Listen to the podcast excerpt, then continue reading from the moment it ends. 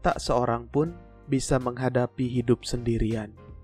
Maka kita jadikan diri kita sahabat bagi semua.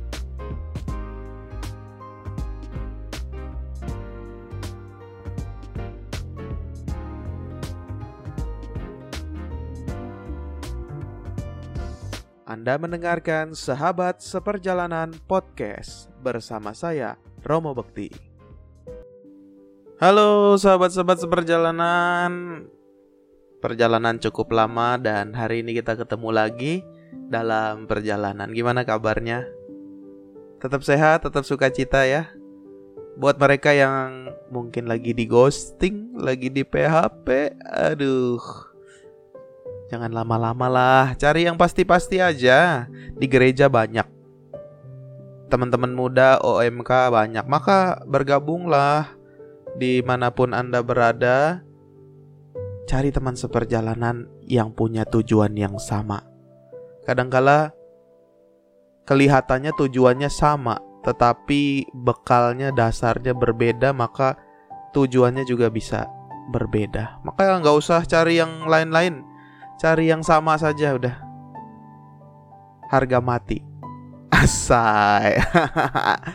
ya, senang sekali bisa kembali kita ngobrol-ngobrol santai. Kebetulan juga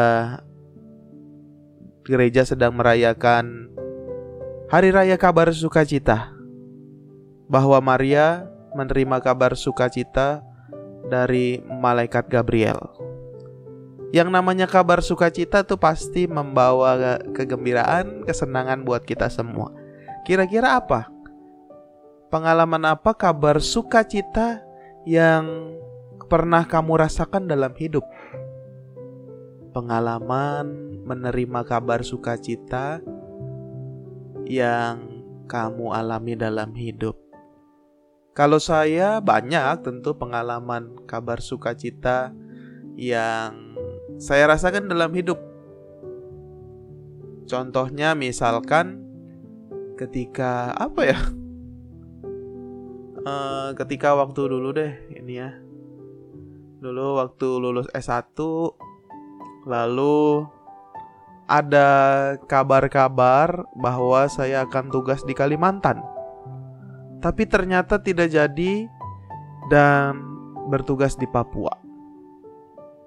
Maka ketika itu langsung bertugas di Papua itu merupakan kabar sukacita buat saya.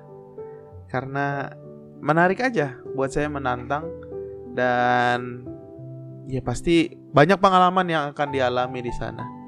Itu salah satu pengalaman kabar sukacita yang saya terima. Tentu pengalaman lain misalkan saat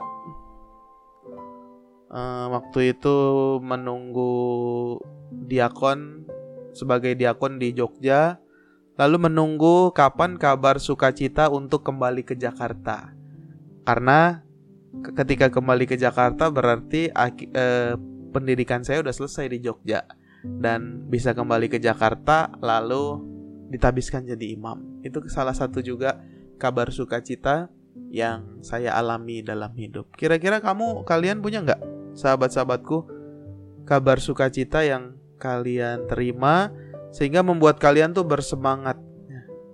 Kabar sukacita ketika dapat kabar dari doi kalau dia sehat-sehat, kalau dia baik-baik. Kabar sukacita kalau dibeliin sesuatu lalu dikasih tahu, "Eh, aku udah beliin ini loh buat kamu." Atau kabar sukacita lain misalkan banyak ya, teman-teman. Boleh juga nih kita saling sharing sahabat-sahabat seperjalanan supaya saling menguatkan satu sama lain. Sehingga kabar sukacita itu bukan hanya buat kita sendiri, tapi kabar sukacita itu bisa kita sebarkan, bisa kita wartakan kepada banyak orang. Tidak perlu dengan koar-koar, dengan tindakan kita yang sederhana, ucapan syukur dan terima kasih. Seperti Bunda Maria kan, yang mendapatkan kabar sukacita mungkin dia nggak paham kabarnya apa tapi tetap bersukacita loh dinamakan kabar sukacita maka teman-teman sahabat-sahabatku jadilah kabar sukacita bagi orang lain Jangan jadi kabar duka, jangan jadi kabar yang membawa kesesakan, jadi kabar sukacita. Sahabatku, siapa mau jadi kabar sukacita? Aku mau, saya mau kok jadi kabar sukacita buat orang lain karena itu menggembirakan. Karena itu menyenangkan dan pasti Tuhan bergembira, Tuhan senang kalau kita menjadi kabar gembira bagi orang lain. Sahabat-sahabatku seperjalanan, dalam perjalanan hidup, jadilah kabar sukacita bagi sesama. Tuhan memberkati.